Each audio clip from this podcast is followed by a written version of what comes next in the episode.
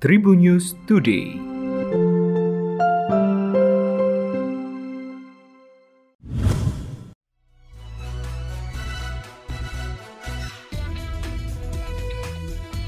Halo Tribuners, berjumpa kembali bersama Memes akan berbagi informasi untuk kamu dimulai dari berita nasional.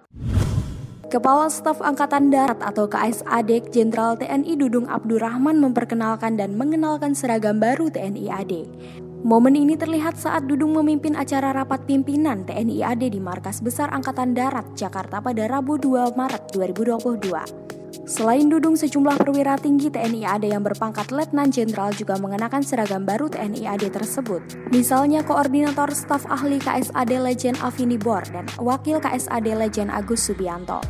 Rupanya seragam baru TNI AD tersebut dirancang oleh Jenderal TNI Andika Perkasa saat masih menjabat sebagai KSAD. Dudung pun mengklaim seragam baru TNI AD juga memiliki corak loreng yang khas. Dikutip dari tniad.mil.ad, seragam baru pakaian dinas lapangan atau PDL TNI AD yang baru merupakan rancangan dari KSAD terdahulu Jenderal TNI Andika Perkasa.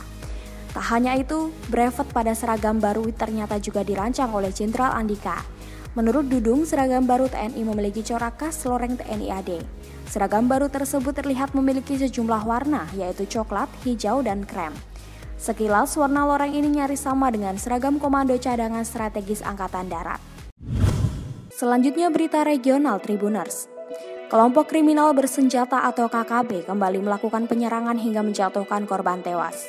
Kali ini karyawan dari PT Palapiring Timur Telematika atau PTT menjadi korban penyerangan. Akibatnya 8 orang karyawan PTT tewas.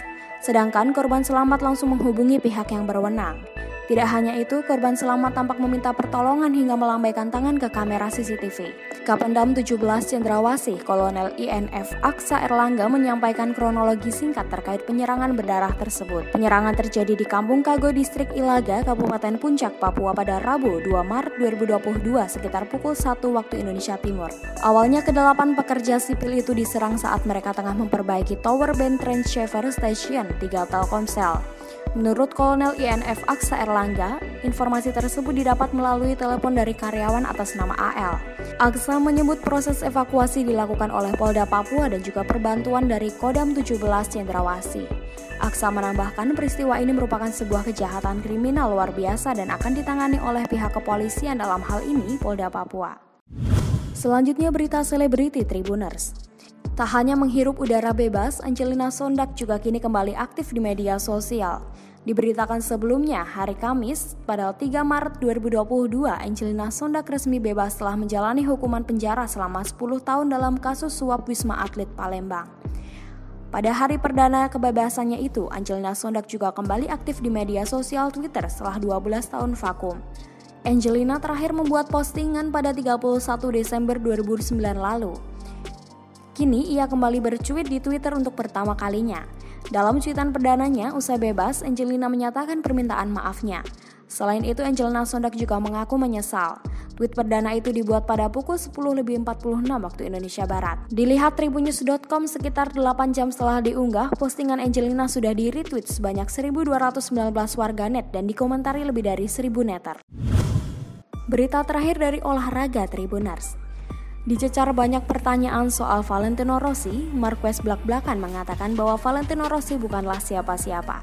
Sehingga ajang MotoGP tetap akan berjalan seperti biasa meski dia tidak hadir. Terakhir kali Valentino Rossi bersaing sebagai juara dunia di MotoGP adalah di tahun 2016 yang saat itu dia finish sebagai runner-up. Kemudian kemenangan terakhirnya terjadi di tahun 2017 meskipun sebenarnya beberapa kali dia punya kesempatan buat menang. Franco Uncini selaku legenda balap bahkan mengatakan turunnya performa Valentino Rossi merupakan sebuah keuntungan buat MotoGP. Era baru MotoGP bakal dimulai akhir pekan ini.